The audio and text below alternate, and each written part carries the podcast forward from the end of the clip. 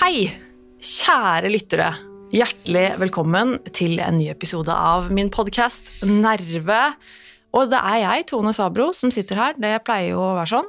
Eh, Men i dag er en litt spesiell dag. Eh, Jeg har jo hatt noen gjester i denne podkasten tidligere. Det er riktignok en god stund siden nå, så har det vært et langt opphold uten gjester. Eh, Og så har jeg jo hatt en tanke om at jeg har lyst til å gjøre det igjen. Det å ha med gjester i denne podkasten er en fantastisk ressurs som jeg føler jeg må, uh, må benytte meg av. Og samtidig så er det jo litt dette med at jeg syns jo det er uh, oh, vanskelig når det er andre mennesker involvert. Så blir jeg alltid litt sånn der sosial eh, og dette angst og dette åh. Så, så det er noe med at jeg må komme over, litt, uh, komme over meg sjøl lite grann. Men jeg har vært så heldig i dag at jeg rett og slett har med meg en, en veldig kul kar. Er det lov å si? Ja. Eh, Altså, jeg protesterer ikke, men selv, selv om du er eldre enn meg, så syns jeg det er en veldig kul kar. Og eh, jeg har med meg rett og slett Eirik Knut. Og når de fleste hører navnet Eirik Knut, så tenker de vel kanskje verdensrommet, astrofysikk, ja, ja, ja, det er som regel sånn. romkapsel. Er ikke du han Knut Jørgen Røde Ødegård, er det jeg ofte Å hører. ja, ja, nettopp. Så ja, jo, det stemmer, det er Og jeg må jo si at det er jo nesten synd å ikke sette deg i gang med den praten når jeg vet du kan så mye om det, men jeg vet også at du kan ganske mye om noe som er litt mer relevant til akkurat min podkast, og det har med psykisk helse å gjøre. Det har det. Nå kan jeg bare først si at Hvis dere har lyst til å høre mer om stjernehimmelen, og sånn, så kan dere bare høre på min podkast Romkapsel. Absolutt. Nå har jeg gjort det, og skal jeg ikke Ja. nevne den igjen. Jo, men det er helt lov. Man du skal, må gjøre Du skal få lov å si det igjen på slutten. Ja, ok. okay. Jo da, nei, det stemmer. Jeg har snakket, eh, ja, For noen år siden så begynte jeg å snakke jeg, hva, hva var det han sier? Eh, Er åpen om. altså Det er jo Ja. sånn mediene liker å si. Men Ja. jeg begynte å prate om, eh, om psykisk helse, og da mer spesifikt om overspise, overspisingslidelse. Yes. Og det var noe jeg ble, ble gjort oppmerksom på, ble, ble klar over. Um, I forbindelse med en annen podkast, Pia Psyken. uh, Pia Pedersen som hadde en podkast. Den er også en bra podkast ja. for de som er interessert i sånne Ikke tema. sant? Ja. Mm. Um, og så ble jeg involvert i et panel sammen med henne og Finn Skårderud borte på Litteraturhuset, husker jeg.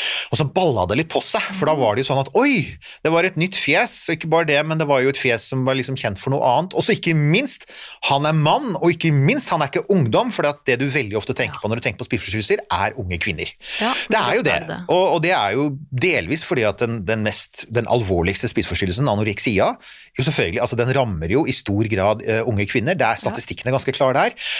Mens det jeg antagelig har, jeg er jo ikke blitt diagnostisert, det er annet vanskelig å få diagnosen i Norge, men alle, jeg har alle tegnene, for å si det sånn. Ja. Eh, altså emosjonell overspising. Altså at Ja. du, du spiser for å håndtere vonde tanker og følelser.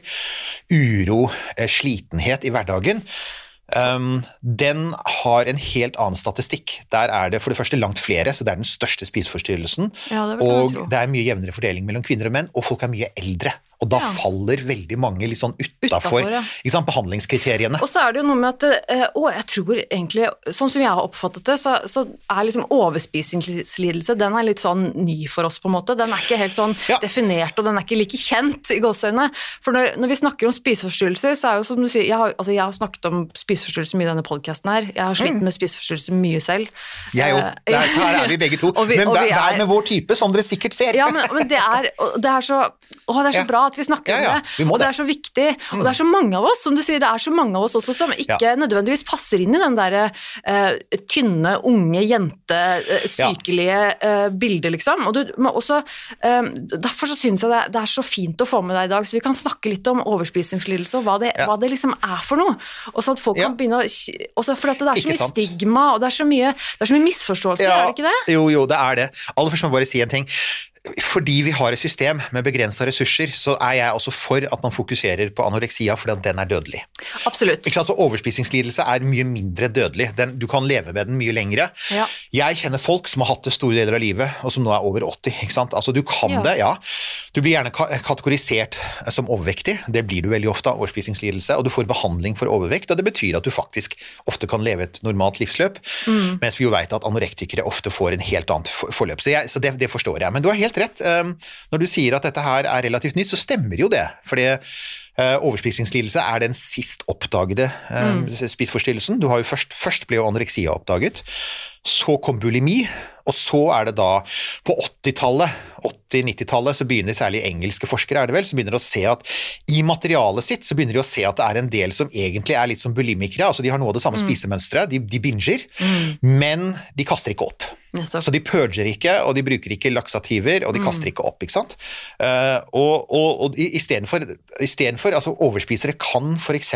overtrene, men det er liksom distinksjonen går nok først og fremst på dette med at du ikke forsøker å fremskynde noen sånne prosesser for å få maten ut. Nettopp, Eh, ok. og, og, og så har man da begynt å nyansere det, fordi Binge-episoder kan være en del av det, men det finnes også mer sånn der lav, liksom sånn lavaktiv overspising, som går Ja. på at du jevnt sånn, i, sånn, i- sånn, For eksempel at du, sånn, sånn grazing behavior, altså at du nærmest går og gresser litt på usunn mat, kanskje i det daglige, for igjen for å håndtere følelser. Ja. Og da, er det ikke, da kan du ofte falle ut av behandlingskriteriene eller bli usynlig fordi at du ikke nødvendigvis altså, Det finnes det er viktig å huske, det finnes altså slanke overspisere, og det finnes overspisere som egentlig ikke har binge-episoder. Eller når de sier at de har binge-episoder, så er det ikke egentlig det det er, for det man tenker seg er liksom sånn Hollywood-versjonen er gjerne da altså øh, kvinner med kjærlighetssorg som stapper i seg iskrem og ikke sant? Det er liksom sånn, det er bildet av en binge-episode.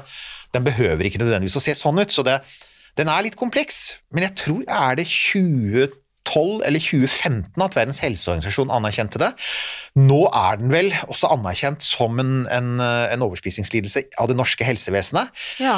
Men jeg veit jo at man har nølt lenge med å gjøre det, og en av grunnene er selvfølgelig at man er veldig redd for å gi behandlingsrettigheter. Altså.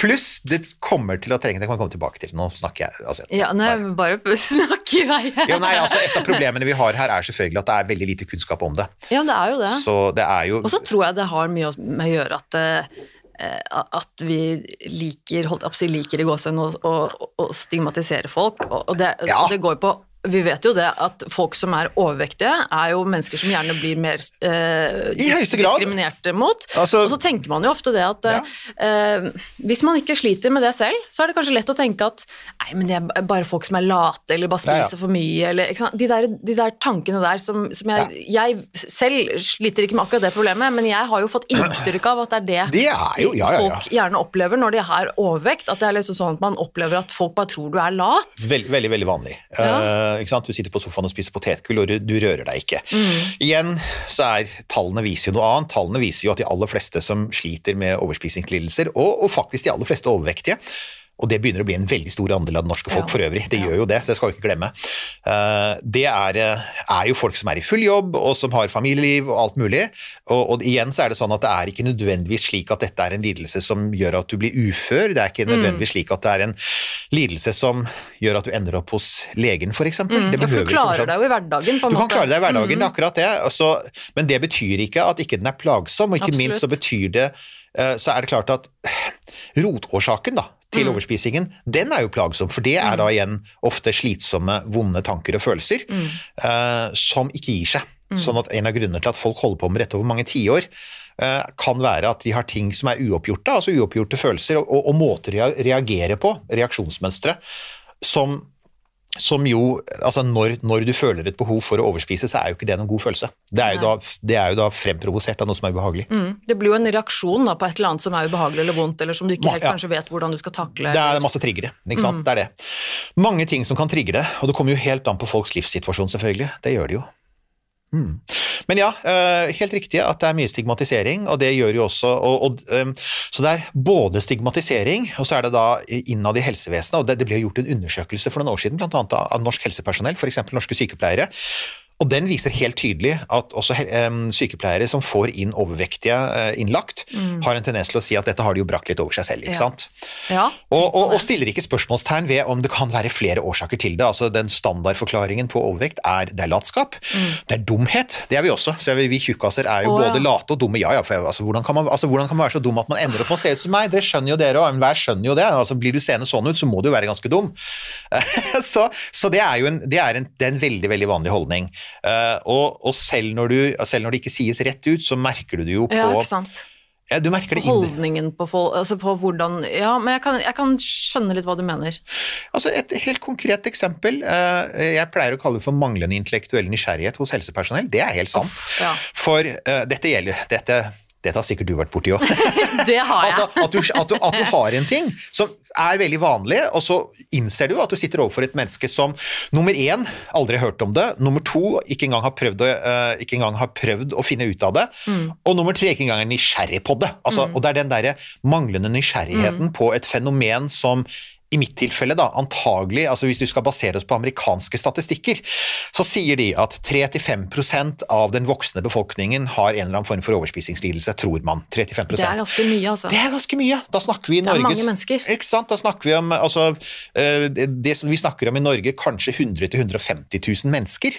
Eh, hovedsakelig voksne mennesker. Det betyr at det selvfølgelig er langt, langt, langt, langt, langt flere overspisere enn det er anorektikere og bulimikere.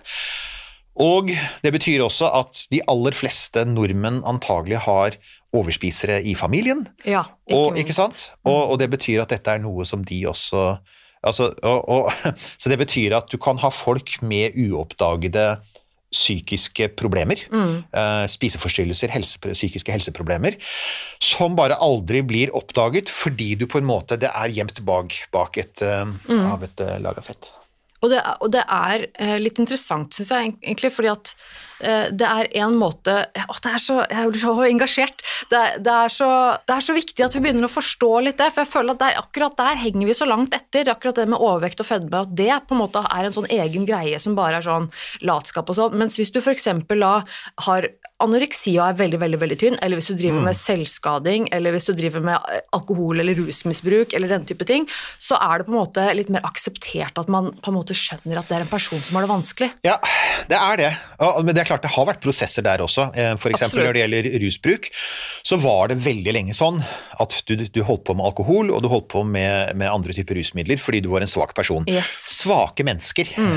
Det var en veldig populær låt for en del ja, år siden. Det, det, Hvorfor er du så mm. svak? ikke sant? Og det, det var liksom sånn tanken bak der, var, og, og den, den, var veldig dominerende. det var, Du var et svakt menneske, ja. du var et moralsk dårlig menneske. Ja. Uh, og, og, og, der kan du si at når det gjelder spiseforstyrrelser, og ikke minst denne spiseforstyrrelsen her, så er vi der fremdeles. Når det gjelder overvekt, så er vi fremdeles i, i høyeste grad der. Mm. og Altså Her vil jeg veldig gjerne anbefale en bok. Det en, det en fantastisk amerikansk forfatter som heter Roxanne Gay. Hun er stor. Uh, hun er stor, og hun har en bok som heter Hunger. Okay. Som er hennes Hun forteller om hvordan hun endte opp med å bli så stor.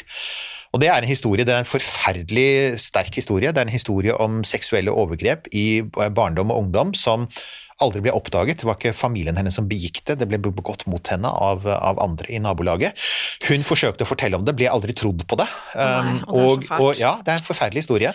Uh, og hun forteller, Det er en veldig god skildring av hvordan man begynner å spise Som hun sier, hun, hun, spiser for å kapsle seg inn, for å skjule ja. seg. så hun, Det er sånn hiding in plain sight. Hun ja. har en stor kropp, og så gjemmer hun det som foregår inni seg bak et tykt lag av fett. Liksom. Ja, fordi at altså, da ser folk, folk ser fedmen, og så mm. sier de. 'å, du er et horribelt menneske', og så uh, kan hun liksom veldig lenge da, gå gjennom livet. Hun, til slutt så kom hun jo ut med det. Mm. Men veldig lenge så var det en måte for henne å, å skjule smerten sin på, bak mm. alle disse tykke lagene med fett. Og det, det, blir jo en forsvarsmekanisme, ikke sant? det gjør det. Du, du, det er en måte å holde folk litt på avstand. Ja, så det du gjør er at du, du altså, så det er, en veldig, veldig, det er en veldig god bok om, og det er ikke engang en metafor, for hun forteller det var det hun gjorde. Mm. Dette er ikke noe skjønnlitterært, altså det, er, det er en skjønnlitterær form på det, men det er jo hennes historie. Mm. Og, og, den er veldig god, og den anbefales jo gjerne også av folk som vil Hvis du ønsker å forstå noen av de komplekse mekanismene som ligger bak det at du gjør dette, at du bruker mat som dop, du bruker mat som medisin ja. for å dempe vanskelige tanker og følelser, så er Roxanne Gays bok av mange, eh, altså en av veldig mange innfallsvinkler til å forstå det, og kanskje den den beste på trykk i dag. Ja. Roxanne Gay, Hunger. Jeg skal linke til den i, Gjør det. i Ja, hun, hun var i Norge, jeg fikk dessverre ikke sett henne når hun var i Norge. Det var jo fullt hus på Litteraturhuset. Ja, og, og hun er jo, Jeg vet ikke om hun er aktiv på Twitter fremdeles, for Twitter er jo blitt litt sprøtt pga. diverse gale milliardærer. Men, men hun var veldig aktiv der. Hun var, veldig, hun var veldig sånn, er jo selvfølgelig aktivist på alle de andre tingene også. altså eh, Transpersoner og jeg, jeg lurer på om ikke hun jeg lurer på om hun er homofil selv, så hun, er jo en kampanje, hun driver kampanje for mye. Nettopp, Men, men også for dette. Så Ja. er en sånn tøff dame. Um, jeg nesten, jeg er litt nysgjerrig på uh, Nå har jo du på en måte Jaha. vært veldig sånn åpen om, om, om dine Ja, jeg har det. det du sliter med. Hvordan, hvordan ser liksom din hverdag ut i forhold til det? Du, min hverdag ser Altså, jeg har en uh, hverdag jeg, jeg kan ikke gå for mye inn på den, men jeg, jeg er en av de veldig mange i Norge som har en ganske belastende hverdag som uh, omsorgsperson og pårørende. Eh, igjen, altså Årlig så utføres det 100 000-150 000 årsverk av pårørende. um, i, altså, og det er at man må stille opp for noen i sin nære omgangskrets. Ja, det er tungt, altså. Og ja, det er tungt. Uh, og det er, det er stort sett ubetalt arbeid, og det er et arbeid hvor du Mm. ikke har noe støtteapparat. Mm. Uh, og ikke minst, det kan være veldig langvarig. Det kan, være, Ja. det, kan, det kan strekkes over år. I mitt tilfelle har det strukket seg over veldig mange år.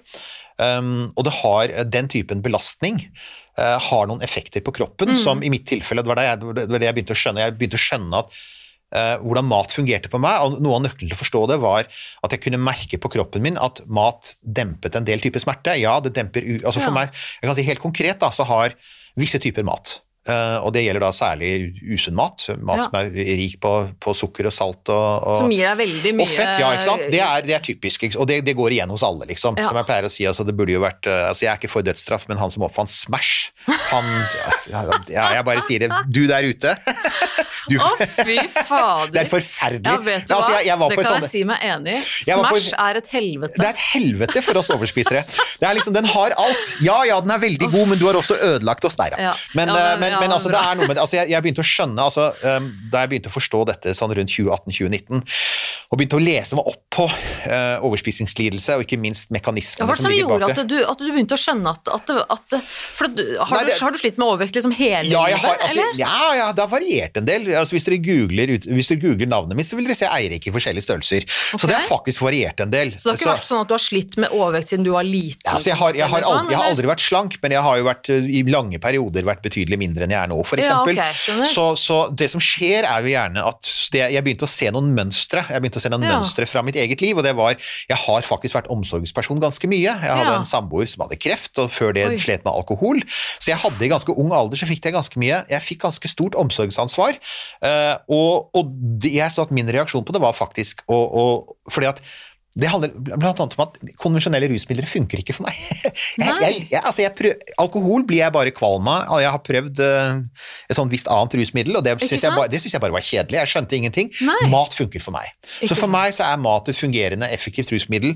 Det er tilgjengelig overalt. Det er stort sett sosialt akseptabelt. Det er ingen som Ja. ser to ganger på om du går i butikken og slenger med en pose med Smash.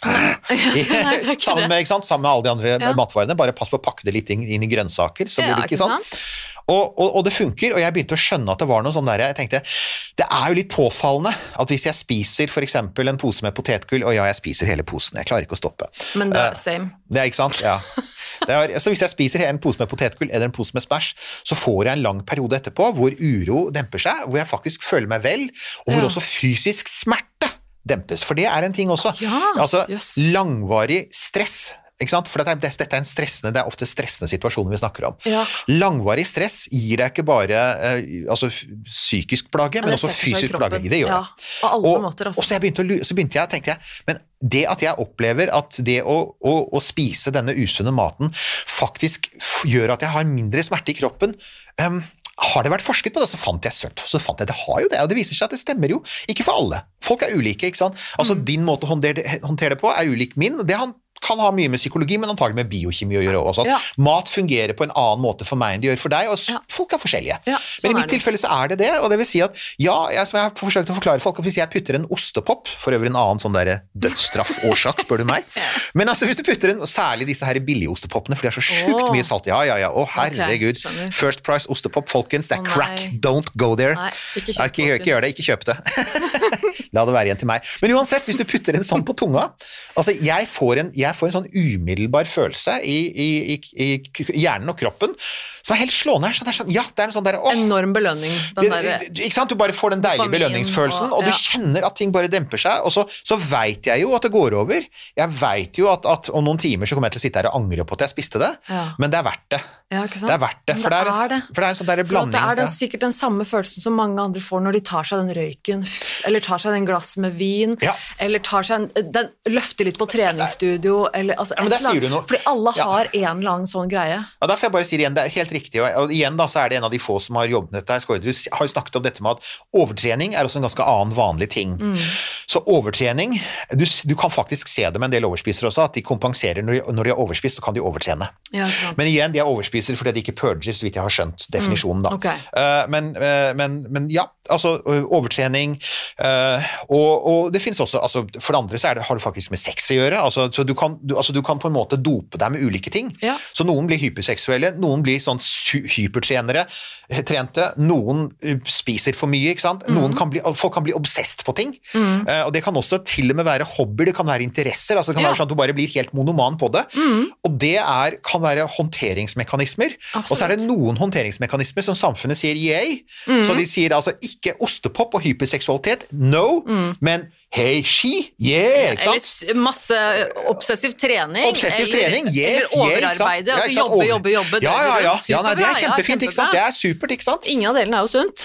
Nei, altså ikke, altså, ikke sant? Det er ingenting som du overgjør som er sunt, for så vidt. Men det er liksom det. noe med at du ja, ikke sant? Men dessuten så er det sånn at når man gjør det rette i samfunnets i samfunnets øyne, da, Øyne, ja. så, så kan du si at da stiller man ikke spørsmålstegn ved om motivasjonen kan Nei. være litt tvilsom er eller problematisk. Altså, det at du, altså, du, du får igjen, hvis du overtrener, så får du ikke veldig ofte altså, Du får jo ikke spørsmål uansett om du kan ligge noe mer bak. Sorry, det er feil. Feil resonnement. Enten du overspiser eller overtrener, så kommer du nesten aldri til å oppleve at en fastlege sier Igjen, som det er blitt sagt mange ganger, dette er pasienter som går et helt liv, som kommer inn til legen, og legen sier du har Eirik, du må slanke deg, men du får, har aldri fått, jeg har aldri fått spørsmålet åssen har jeg det? ikke sant? Hvordan har du det? Altså, ah, Hva ja. skjer i livet ditt? Er det noe annet her? Du, der, er- hva er grunnen til at du føler at du må spise så mye? Eller hva er grunnen til at du føler at du må på trening hver dag hele tiden? Eller hva Ja, er ikke sant? Ikke sant? Altså, Det er- et det, er- så- det er akkurat det, og, og det, det det da fører til, er at det foregår massiv feilbehandling av folk i Mm. det norske helsevesenet. Det er altfor mange der ute som får behandling for fedme uten å ha blitt spurt om uh, hvorfor de er overvektige. Mm. Og um, i bunn og grunn, altså jeg syns du ser et veldig godt eksempel på det i den um, TV NRK-serien Eit feit liv. Ja. Med han eh, Ronny Brede Aase. Ronny Brede Aase. jeg lager faktisk en reaksjonsvideo på det på, på YouTube som fikk litt views. Uh, og det er fordi at, ja, jeg, jeg synes, altså den, For det første syns jeg, jeg synes det er en jævlig kul serie. Ja. Syns det er veldig kult at uh, Ronny står fram for oss tjukkaser, og at han er så åpen på det, og at han snakker med så mange forskere. Mm. Men den serien gjør én kapitalfeil. Jeg hadde håpet at det skulle bli en sesong to, så kunne hele sesongen vært viet til det emosjonelle aspektet. Fordi Nettopp. det nevnes Du ser, én sånn powerpoint-slide fly forbi bakgrunnen når de snakker med en forsker, og der står det emosjonell overspising. ikke sant? Og de- deretter blir det sluppet. Selv om For det må jeg si, da, Ronny. Jeg vet ikke om du hører dette, men jeg kan si jeg sa det til deg i reaksjonsvideoen også. Du sier på kamera at du bruker Du spiser når du er lei deg. Ja. Du sier på kamera at mat gjør deg glad. Ja. Du sier på kamera jeg lurer på om jeg klarer å holde vekta den dagen det kommer en sånn februardag hvor jeg er nedfor og jeg griper til en Snickers. Ronny, velkommen i klubben. Det er ikke noe, skam, det er, det er ikke noe skammelig ved det. Det er så- veldig så, menneskelig. Det er så veldig menneskelig, og så det er så jævlig synd at han eller NRK eller produksjonsselskapet eller hvem det nå var, på en måte ikke tok steget videre og, og, og, og, rett og slett fikk han i studio med noen som jobber med dette, Ja. og, og fikk, fikk snakket om det. Men Ronny, det faktum at du har vært, du har vært stor hele livet, eh, og, og du selv sier at du ble erta som barn, kan det være en drivkraft? Og kan det være at du i likhet med meg, eksempel, eh, og nå, nå snakker jeg ikke metaforisk, jeg snakker om meg selv, altså når du møter på motgang, så er det veldig lett å putte noe i munnen. ikke sant? Det er sånn, Når det blir mørkt i livet ditt, så er, kjøle, så er lys i kjøleskapet det eneste lyset, ikke sant, som man ofte sier. sånn. Åh, Og den, den biten der. De, de, de droppa den ballen, og siden har aldri noen fått tatt tak i det. Det er, jeg, altså det er mulig litt seinere i vår så skal det komme en uh, serie med Else Kåss Furuseth hvor jeg faktisk snakker om det samme med henne. For der har du en annen person som jo har vært åpen om sine psykiske helseutfordringer, og også, og også det har hun også vært åpen på, har hatt vekt utfordringer. Uh, og vi har prøvd å snakke litt, jeg, håper, jeg vet ikke hvor mye det, vi snakket lenge, og så klipper de det ned, så blir det to minutter. Så blir det to minutter, men jeg håper... for mye som blir klippet bort, uansett. Det er derfor jeg liker podkast. Ja.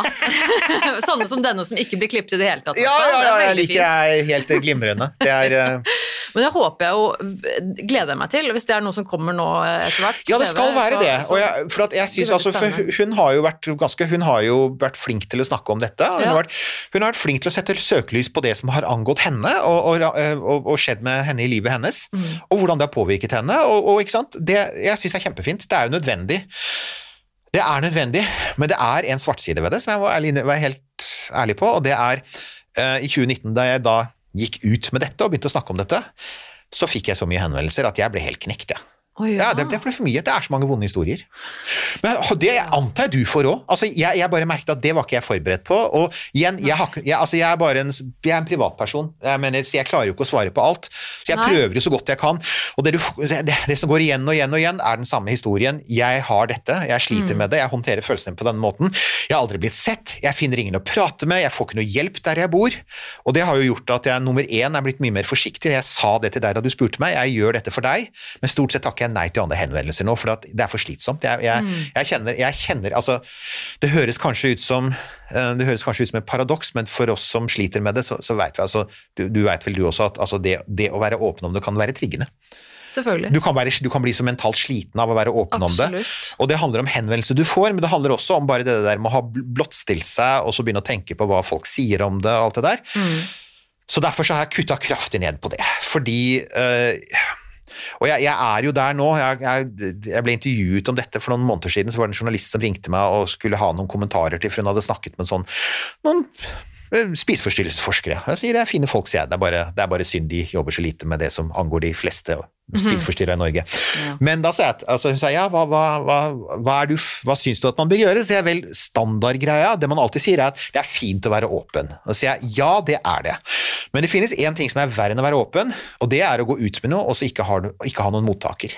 Ikke, bli, ikke ha noen som tror deg på det, ikke ha noen å snakke med, ikke ha noen som er i stand til å lytte og forstå det.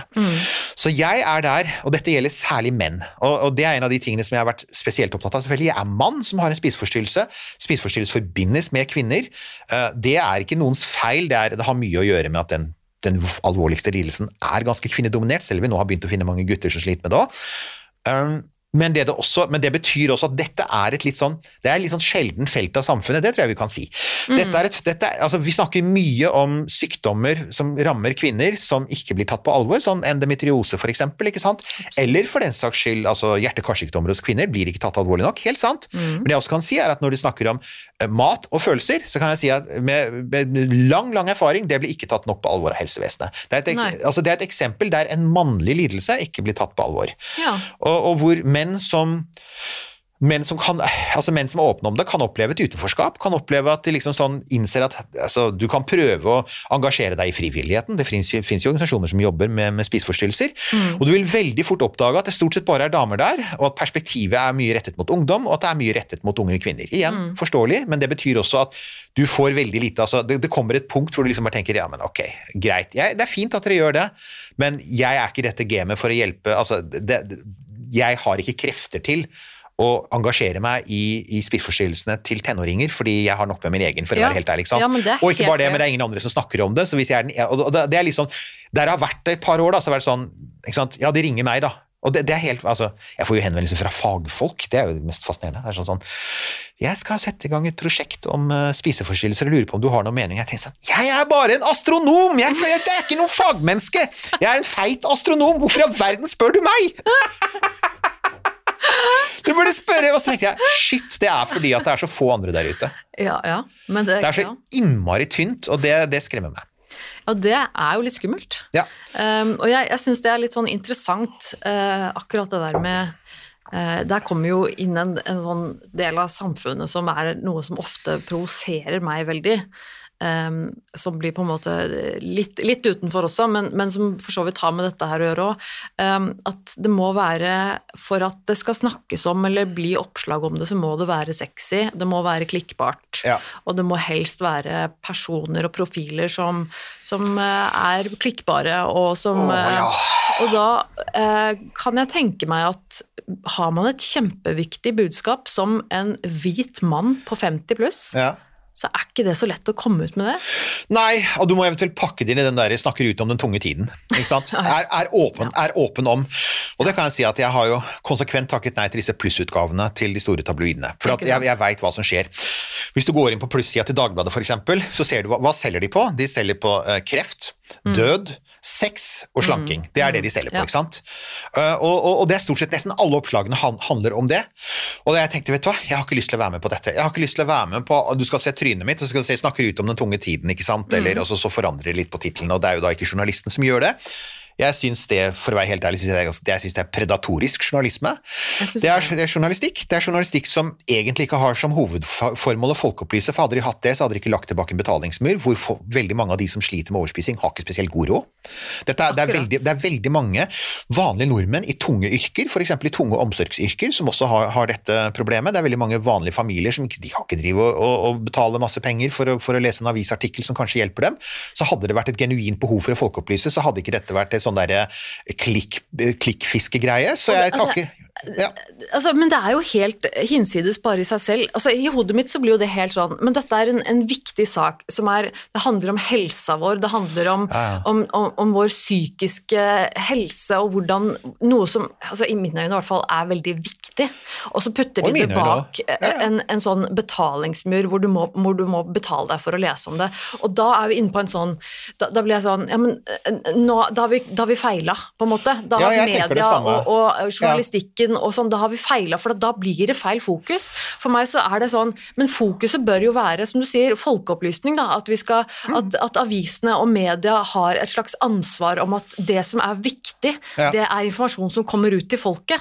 Men nå er det på en måte blitt mer sånn, nei, du skal, Mye av den viktigste informasjonen er du skal betale deg for å få den informasjonen. Ja, for den finnes jo ikke nødvendigvis andre steder. Og, og, og altså, jeg er jo helt for at aviser og journalister skal ha betalt. Eh, Det er ikke det. Ja, Ja, det, er noen, det er noen journalister jeg ikke syns bør ha betalt, men det er nå min personlige mening. Men, men, men helt klart. eh, Men samtidig så tenker jeg at, at det er visse typer temaer som er, har såpass bred allmenninteresse. Mhm.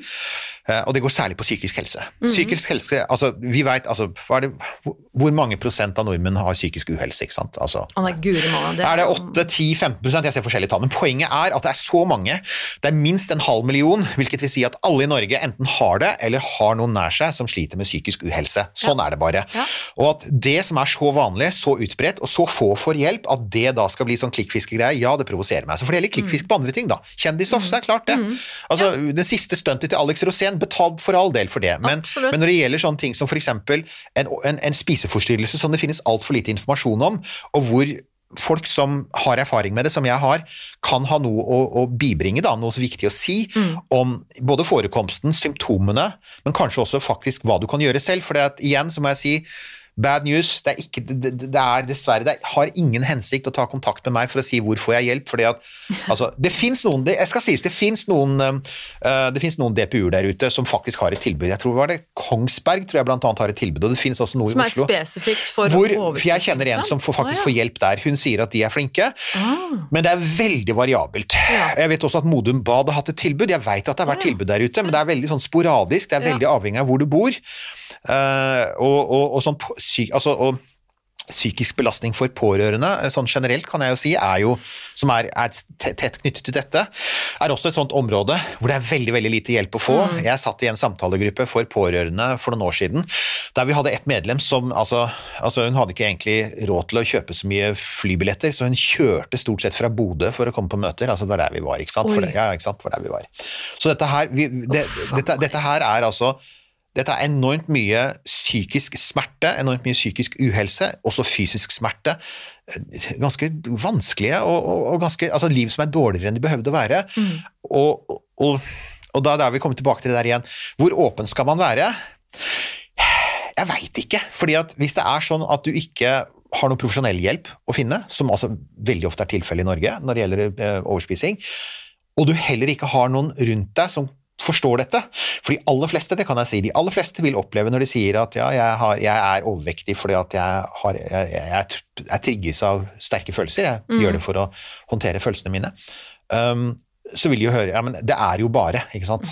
Som er den minst hjelpsomme setningen av alle, Mm. I mine øyne. Men, og det er sånn, men er du deprimert, ja, men kan du ikke bare tenke litt mer positivt? Nemlig, det er kan du ikke bare, være litt ikke mer takknemlig for det du har? Kan du ikke bare altså, eh, Nei, du kan ikke bare. Det er ikke så enkelt. Og hvis jeg får én, jeg får én sånn e-post til fra en en entusiastisk tilhenger av å slutte med sukker, så det er bare, jeg bare ja, jeg, da, jeg tror jeg tilter. Nei, sukker er ikke årsaken til alt vondt. Det er ikke det. Det er sikkert noen som igjen, kropper er forskjellige, og ja, jeg Ja, vet at det er noen som opplever en stor forandring i livet Men det er litt det. mer komplekst enn som så. Det er som regel mer Eh, komplekst enn som så. altså, sånn, Ja. Deg eller en annen som, som sliter med overspising, tenker jeg sånn, ok, la oss si du på en eller annen måte mirakuløst hadde klart å faktisk kutte ut sukker fra alt du spiser. Ja. Det betyr jo ikke at problemet ditt er løst på noen som helst måte likevel. Ikke sant. Det er på en måte litt mer komplekst enn Ja, som så. og det, og det, er det, som, det er det som fortviler meg, er at i norsk helsevesen så ses overvekt hovedsakelig på som et fysiologisk problem, Mm. og alle veit jo hva svaret på det er, det er å spise mindre og mosjonere mer, ikke sant? Mm. Alle veit jo det. Legge om kosthold og livsstil. Og det, det er, altså Nå skal jo doktor Phil, kanskje heldigvis, trekke seg tilbake. Men Hva? Ja, ja, ja, han går av nå! Det er jo blitt en svær greie.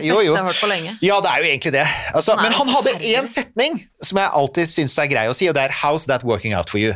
Hei, helsevesenet. Ja. how's, how's that working out for you? Det der, det der med å prøve å få folk til å slanke seg. Hvor, hva er suksessraten der? Er det høyere enn folk som forsøker å slutte med heroin, eller er det ikke sant? Altså, det er, altså, tilbakefallsprosenten er sjokkerende høyt. Det blir, jo, det blir jo rett og slett å bare behandle symptomene. Altså, for, for, altså igjen, hvis det er slik at det kun er fysiologisk, hvis det er slik at det kun handler om at du har en stillesittende jobb og spiser litt for mye i forhold til den stillesittende jobben du har, ja, da vil det å kunne spise mer salat eller å switche et kosthold Jeg anbefaler sterkt veganisme, jeg er veganer selv. Det er faktisk Se. en måte Ja, ja. Nemlig. Ja, er det sant? Ja. Så hyggelig, ja. Så her er det ingen så Nobody died, som jeg pleier å si når jeg spiser Her Jeg sitter begge veganerne og snakker om hvor godt Smash er. Det er Ja, litt ja, eh, ja, det er, det, altså, ja, det er lenge siden jeg har spist Smash, det er det, så ikke kom og ta meg nå. Men det er lov Men det, jo, men altså, det er faktisk, det kan vi jo komme tilbake til, men, men, men veganisme kan være én håndterings... Altså, Men, så, legge- selvfølgelig, men du har et poeng. Altså, selvfølgelig, Ja. For det er jo ikke alle som er overvektige som har en overspisingslidelse. Neida, så sant? selvfølgelig så, kan, så, så er det noen som, som har dårlige vaner i hverdagen, som har havnet i et dårlig sånn, Ja, altså, rutiner, og som plutselig korona, ikke sant, hjemmekontor, oi shit, jeg ja, la på og der meg fikk mange kilo. noen ekstra kilo, ikke Ikke sant? sant? Og det er helt fair å da på en måte endre litt. Og, oi, kanskje jeg må bevege litt mer på meg. Og for all del. Og da, vil, da Altså- kan legens råd ha en god effekt. Det er ikke det. Men for den veldig store gruppa, som vi, vi dessverre ikke vet hvor mange er i Norge, men vi, vi tror at det handler om en ganske stor prosent av de overvektige i Norge. Altså Hvis vi snakker om 3-5 av, av den samlede befolkningen, så snakker vi om en betydelig høyere prosent av de overvektige. Mm. Det vil si at alle norske fastleger har hatt overspisere på kontoret sitt, og omtrent alle norske fastleger har sagt spis mindre og mosjoner mer. Mm. Og jeg kan si at i tilfelle overspising så kan det være ikke bare direkte, altså ikke bare er det ineffektivt, men det kan være direkte gå motsatt vei. Det kan faktisk føre til økt vekt, fordi en slankekur kan trigge overspisingsepisoder. Dette er godt dokumentert av forskningen. Ja. Dette vet jeg også. Jeg vet at Det er grunnen til at jeg aldri slanker meg, fordi at jeg vet at det, det, det sluttet jeg med for mange år siden. Fordi jeg alltid endte opp med disse voldsomme altså Jeg fikk sånne lange faser hvor jeg endte opp med altså Du går kraftig ned, og så holder du vekta noen måneder, kanskje et år, og så begynner du å gå opp igjen. Og det er en kombinasjon av biokjemi og psykologi som Ja. ikke jeg har den fulle oversikten over, og som egentlig ingen har den fulle oversikten over, for det har vært forsket altfor lite på dette. Men den kurven ser du hos så å si alle som ser ut sånn som Mm. Meg. Ja. At altså, Det å slanke seg er dessverre jævlig ineffektivt, Mm. og kan altså være direkte kontraproduktivt. Og, om ikke, og det som i hvert fall er helt sikkert, er at før du anbefaler folk å slanke seg, før du anbefaler, anbefaler folk f.eks. å kutte ut usunn mat, så må du sjekke om den usunne maten faktisk er det som holder dem gående gjennom en vanskelig hverdag, for at den maten fungerer som medisin. Og ja, der, det er, så mitt råd nummer én er jeg er ikke sikker på om det alltid er det beste å, er å være åpen, fordi at ikke, hvis du ikke blir hørt, så er det faktisk verre. Du kan gjøre din Ja, egen livsstil. Det er ille, og det er helt vanlig, for at igjen, som overspiser så vil folk ikke tro, ofte ikke tro deg på at drivmekanismen er psykologisk. Den andre er at jeg er ikke overbevist om at det å frata folk den maten som hjelper dem gjennom hverdagen, er en god løsning. Jeg mistenker jo at hvis du da sier eh, du, du har ikke spurt pasienten om vedkommende har en emosjonell drivkraft, og så tar du vekk det som Medisinen hjelper dem, medisinen som hjelper dem gjennom hverdagen. Det er et veldig godt poeng. Ikke sant? Og, og, og da igjen, så, og så, så har du igjen, du har jo ikke snakket med du har jo ikke hatt en ordentlig samtale med pasienten, og så blir du veldig overrasket når da pasienten kommer tilbake og innrømmer at ikke bare har de ikke gått ned, men de har faktisk gått opp. Ja. Og så, ja, hvordan skjedde det? Og så er det ofte litt vanskelig å forklare, for det er jo en av de tingene som er eh, ganske slående, er at hvis du har hatt binge-episoder, så har du ofte litt problemer med å huske hvor mye du har spist, rett og slett. Det er jævlig Ja. rart. Det er Ja, veldig det- rart. Ja, det er, en- snodig greie. Det kan, Det- ja, nei, jeg syns ikke det høres så rart ut, faktisk. Nei, du kjenner jo feltet. Det er veldig greit å prate med en som kjenner feltet. Ja, så hyggelig. I like måte. Jo, men det er noe der. Du får en slags blackout på det, og det det er derfor jeg sier igjen at det er Um, jeg, jeg husker jeg hadde en veldig nyttig samtale med Julie Winge, som jo har vært alkoholiker, og som, driver, som driver jo og, og jobber, med, eh, altså jobber med alkoholisme. Og vi snakket litt om liksom noen av likhetstrekkene mellom det å bruke alkohol til å håndtere vanskelige følelser, og det å bruke mat. Og ja, det er likhetstrekk der, utvilsomt. Det er ikke det samme, og det er en ting som, som, som forskningen peker på. Det er, det er viktig, det er noen veldig viktige forskjeller.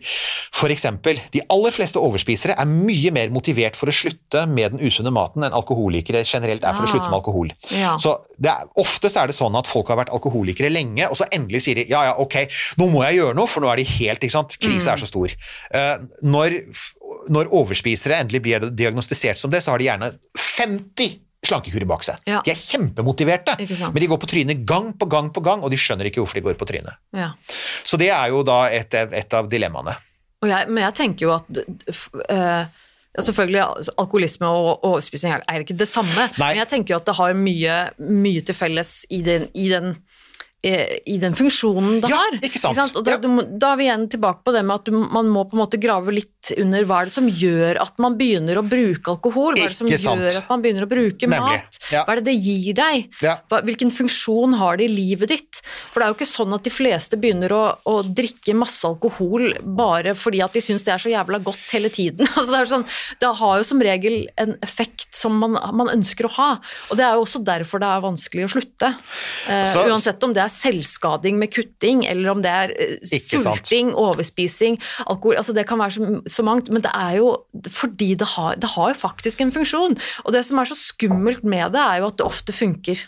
Det si- funker ja. midlertidig, ikke sant? Det Nå skal jeg er- si en ting til deg som, er, som jeg har oppdaget nylig, apropos det som du sier med selvskading. Ja. Og det er at i, i vanskelige perioder så klorer jeg på så får jeg, Se her, her, du- kan se her, det er arr. Litt ar- ja. Ja, jeg får, hvis jeg får et lite Så sår eller en liten kvise, så klorer jeg. Og så klarer jeg ikke å slutte, og så, skjønner jeg plutselig at det er det jeg gjør, ja. og, og så kommer jeg tilbake til det. Uh, og jeg, jeg snakket med min mor om det, hun sa det er en sånn greie som, som Hun sa det jeg, siden du var ganske liten, så har du gjort det. Og så tenkte jeg ja, ja, ja. Og jeg kan, så på armene mine så kan du finne det som faktisk er Og så tenkte jeg i ettertid at det gir ingen mening, du burde bare sette et plaster på det og la det være. Mm. Men det er en sånn egen Det er en sånn egen sånn Sånn stimuli. Du får liksom noe av Ja, ja. du får noe annet å tenke på, og Ja, den der smerten du får når du river av en skorpe sånn, ja. Så, jeg, så, så det, det jeg skjønte, så tenkte jeg ja, men jeg skjønner jo, jeg skjønner jo selvskadingen. Jeg skjønner det. Jeg skjønner den derre de, de, de stoffene det utløser i kroppen. Jeg skjønner hva det gjør med, med hjernen din. Jeg, jeg, jeg kan faktisk skjønne det. For igjen, overspising er også på sett og vis selvskading. Det er jo det det. Jeg Mhm. vet jo at dette ikke er bra for kroppen, og, og, og det kan jeg si at overspising gjør jo også at du kan føle deg ubehagelig. Altså når du er tung, og det er jeg nå, så kan jeg si at det er faktisk ubehagelig. Mm. Det oppleves som ubehagelig, og så føler du at du må gjøre noe, og så klarer du å regulere kostholdet litt, og så blir du, får du det litt bedre. Mm. Men, men, men helt klart, det er, det er koblinger mellom, mellom overspising uh, og, og, og selvskading som, Mm. som, som det, er noen, det er noen, helt klart noen likheter der som jeg syns er ganske interessante. Ja, apropos selvskading det, og, og aviser, holdt jeg på å si. Det, VG gjorde jo en, eh, en sånn liten uh, artikkel, reportasje, et eller annet hva man kaller det, om, om meg og selvskading. Ja. Og, og det at jeg har tatovert over gamle arr og sånne ting. Ja. Uh, og den havnet jo selvfølgelig også bak betalingsmur. Ja, hvordan- jeg sto hva- ut og, og snakket veldig åpent om selvskading, og var veldig sånn ok, vi må snakke om selvskading og hvorfor man selvskader og hva det er for noe og sånne ting. Og så havnet den bak betalingsmur. Og det er jo sånn åh, jeg blir så irritert. Ja, og, Og spesielt så var den litt sånn retta mot unge også, de gjorde en sånn greie på får, også. Snapchat og da får ikke de sett den, ikke sant? Det det. Um, For de går det- ikke bak den betalingsmuren. Nei, uh, og så uh, de, de, hadde en, de utvida den litt til, å, til å bli en sånn greie på Snapchat også, på VGs Snapchat, Mm. uh, som var litt mer sånn mot de unge. Den har jeg heldigvis ikke bak noen betalingsmur, men den blir jo borte etter et døgn, eller hva det var. Ja. Uh, og det, det er sånn som frustrerer meg så veldig, for at, og, det, og spesielt kanskje når det kommer til selvskading, den overfladiske selvskadingen som vi på en måte kjenner til at man kutter seg på armene eller beina, Ja, ja. sånn, det er jo noe som gjerne dukker opp i ganske ung alder. Og det også er noe som er veldig viktig å snakke om, og som igjen kan være symptomer på ganske mye mer. Mm. Uh, og da også kjente jeg bare sånn Ja, men hvordan i all verden skal vi få Dette er ikke noe som folk dette er, for, dette er folkeopplysning. Kan ikke Ja. dere slutte å, å få folk til å måtte betale for å se det trynet mitt? Liksom? Ja, altså, det, er ikke, det er ikke jeg som er poenget. Det er, Poenget er at vi skal det. snakke om det er, saken. ah, ja, nei, det er en altså, Så det irriterer jo meg så innmari. Og Det det kunne vært tema for en egen podkast. Altså, det mener jeg, for det er, den, igjen, det er predatorisk journalistikk. Det er liksom, grunnen til jeg s- tenker podkast, altså denne podkasten her, Nerve, har jo vært veldig bevisst på at den aldri skal være bak noen betalingsmur. Eh, nå fins den på Untold f.eks. Du kan betale og støtte meg eller Moderne Ja, ja. Media ekstra hvis man ønsker det. Det setter jeg selvfølgelig pris på, de som gjør det. Men denne podkasten kommer aldri til å ligge bak, altså eksklusivt bak en betalingsmur. For det er sånn Så det er informasjon Vi er der ute for evig. ja, men, ja, men Ja, men virkelig. for det er noe med altså, Det er noe med at det, Ja, kall meg selvhøytidelig, jeg vet ikke, men det, Nei, noe- det, jeg føler at det jeg snakker om og er åpen om, dette er på en måte det eneste jeg har. Dette er det jeg gir til, til verden. Ja, men det er ikke, det er en enorm og, ting. Og, og jeg Og, ja. tenker at det er Det skal ikke Det skal ikke være betalt informasjon, det skal være helt gratis. Ja, det er, men, men jeg er jo som gammel folkeopplysningsperson, da, så Ja. er jeg selvfølgelig helt enig i det. Og derfor så, så, så Min podkast er heller ikke bak noen betalingsmur, for å si det sånn. Og jeg har jo sagt veldig tydelig at det kommer jeg heller ikke til å ønske at den er. Og det har en økonomisk kostnad, men det, det gir jeg beng i, for å være Ja. helt ærlig. Fordi øh, eh, jeg er helt enig. I størst mulig grad, så bør, og ikke minst viktig informasjon som dette her, bør være tilgjengelig. Jeg syns det er um, Altså, men en av de tingene som vi må deale med, er akkurat den der freakshow-greia. Det vet jo du òg. Mm. Og det er, altså, derfor også så sier jeg alltid nei til sånne plussgreier, fordi at jeg veit at det handler mye om freakshow. Mm. Uh, og, det er, og det er liksom igjen, det handler om folk som har en dødelig sykdom, og det handler om folk som har et vektproblem. Uh, og sex så handler det veldig ofte om, om, om folk med ulik seksuell praksis, og sexarbeidere, veldig vanlig. Ja, ja, og de er alltid sånn, eh, sånn, uh, sånn Line 35 forteller om sitt ville liv på soverommet. Sånn, så jeg sånn. Men, og da tenker jeg at det er noe Ja. med, med måten de da konverterer noe som er viktig for Line 35, til et produkt som de pakker inn og selger, og som da Og så veit vi jo at veldig mange av de som leser disse sakene, um, gjør det jo også av sosialpornografiske årsaker. Uh, altså, jeg skal ærlig innrømme at jeg har vært der selv. Altså, Jo, jo. Da, I tidligere faser av livet hvor jeg har vært mindre oppmerksom på psykisk helse for eksempel, og mindre oppmerksom på hvordan psykisk uhelse også påvirker meg, Mm. så har jo også jeg vært der. Ikke sant? Jeg husker at jeg for en periode så fulgte med på Supernanny. Husker du den? Det var en sånn forferdelig serie om en sånn der er engelsk dame som dro rundt og ryddet opp i familier oh, med, ja. med barn som slet, og folk som hadde problemer og sånn. Og det var sånn, og, og på samme måte som um, eh, Luksusfellen, altså, som også er sånn. ja, ja, ja, ja. Og det er sånn, Ja, ja, ja. Dette er feel good for oss som liker å føle oss bedre enn andre. ikke sant? Som er sånn, ja, ja, Men- du, Så dumt ville jeg aldri gjort. Og så bare tenkte jeg, og så kommer det sånn, da blir det, tenker jeg, ja, men Eirik, altså, du sniker deg inn på 7-Eleven klokka 11 om kvelden og kjøper deg et par poser med snop.